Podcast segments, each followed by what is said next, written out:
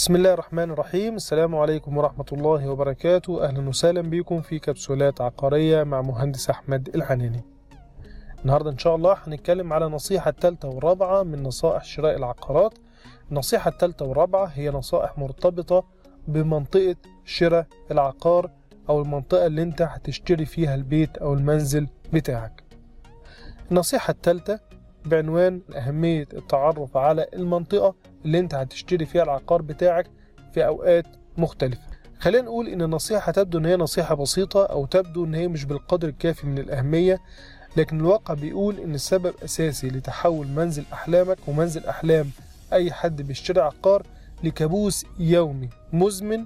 هو تغير حالة المنطقة اللي أنت هتشتري فيها العقار بشكل بيكون صادم ومفاجئ ليك في كثير من الأحيان. يعني إيه الكلام دوت. يعني المنطقة النهاردة اللي انت شايفها مستقرة ومستتبة ومنطقة هادئة جدا في الليل مثلا ممكن تتفاجأ وتصدم لما تلاقيها فيها زحام شديد جدا ومنطقة صاخبة جدا في الصباح إذا كانت قريبة مثلا من الشركات والمباني الإدارية وأماكن تواجد الموظفين والعمالة. والعكس صحيح إذا كان المنطقة تبان إن هي في الصبح منطقة هادية ومنطقة مستقرة ومنطقة مستتبة لكن ممكن تتفاجأ وتصدم بحالة صخب وزحام شديدة جدا في المنطقة في الليل إذا كانت قريبة من المراكز التجارية مثلا أو أماكن التجمعات الشبابية زي المقاهي. وبالتالي مهم جدا إن أنت تعرف حالة المنطقة اللي أنت هتشتري فيها العقار خلال فترات مختلفة من اليوم وتحدد بناء عليها مدى تقبلك لهذا التغير أو صعوبة إن أنت تتقبل هذا الأمر. وبالتالي لازم تكون فاهم المنطقة بتاعتك اللي انت هتشتري فيها العقار وتكون عارف هل انت هتقدر تتقبل وتتعايش مع التغيرات اللي موجودة في المنطقة دي ولا انت عايز تشوف منطقة تانية تناسب الحياة بتاعتك أو طريقة الحياة بتاعتك بمعنى أصح. بعض كمان الخبراء العقاريين بينصحوا الناس إن هم يعينوا العقار في أوقات مختلفة من السنة إن أمكن أو يسألوا على الأقل على حالة العقار وحالة المنطقة بمعنى أصح في خلال أوقات مختلفة من السنة. وده بيرجع بشكل واضح جدا إن في مثلا على سبيل المثال بعض المدن الساحلية اللي الناس كتير بتلجأ ليها في فترات الحر زي فترات الصيف بتلاقي عليها زحام شديد جدا جدا في مواسم الصيف بعكس المواسم التانية اللي بيكون الزحام بتاعها هو الزحام الطبيعي المنطقي اللي بيعتمد على أهل المنطقة نفسهم. وبالتالي مهم جدا إن أنت تتعرف على منطقة العقار وتقدر تحدد هل أنت هتقبل وتقدر تتعايش مع التغيرات اللي ممكن تحصل في منطقة العقار أو هيكون الموضوع صعب عليك.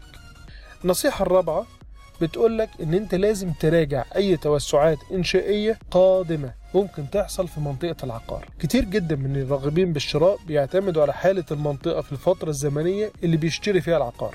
لكن معرفة الخطط المستقبلية للإنشاءات في المنطقة دي ممكن جدا يأثر عليك بشكل سلبي أو إيجابي وبالتالي هيأثر على قرارك لما تيجي النهاردة إن أنت تشتري في المنطقة دي. يعني مثلا زيادة العقارات السكانية مستقبلا بشكل مبالغ فيه في المنطقة بيكون ليه تأثير واضح في زيادة الكثافات السكانية وبالتالي ما يتتبعه من زحام في الطرق وفي المراكز التجارية وفي الخدمات. وممكن يكون ليه تأثير إيجابي عن طريق إن أنت هتلاقي في مراكز خدمية أكتر في مراكز تسوقية أكتر في توفير مسطحات خضراء للتنزه في وجود مدارس تعليمية للأطفال وإلى آخره. كمان لازم احدد تأثير الخطط التوسعية دي على عقاري أنا بشكل واضح جدا وبشكل محدد لأن بعض العقارات اللي بيكون لها إطلالات مميزة جدا على مسطحات خضراء مثلا مفتوحة أو على شارع رئيسي وبعد كده تتفاجئ إن في عقار تاني طالع هيقفل عليك ويدمر لك الرؤية والإطلالة اللي أنت كنت أساسا رايح تشتري العقار علشان وبالتالي هتلاقي الميزة اللي أنت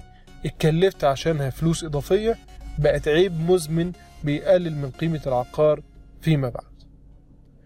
أخيرا تجربة شراء العقارات من التجارب الرائعة جدا لو أنت كنت عندك هدف محدد ودارس السوق بشكل كويس تقدر إن أنت تستمع لنصائح أهل التجربة والخبرة والعكس صحيح ممكن تكون تجربة كارثية لو أنت ما درستش الموضوع كويس وتجاهلت دروس وخبرات الغير. دي كانت نهاية الكبسولة.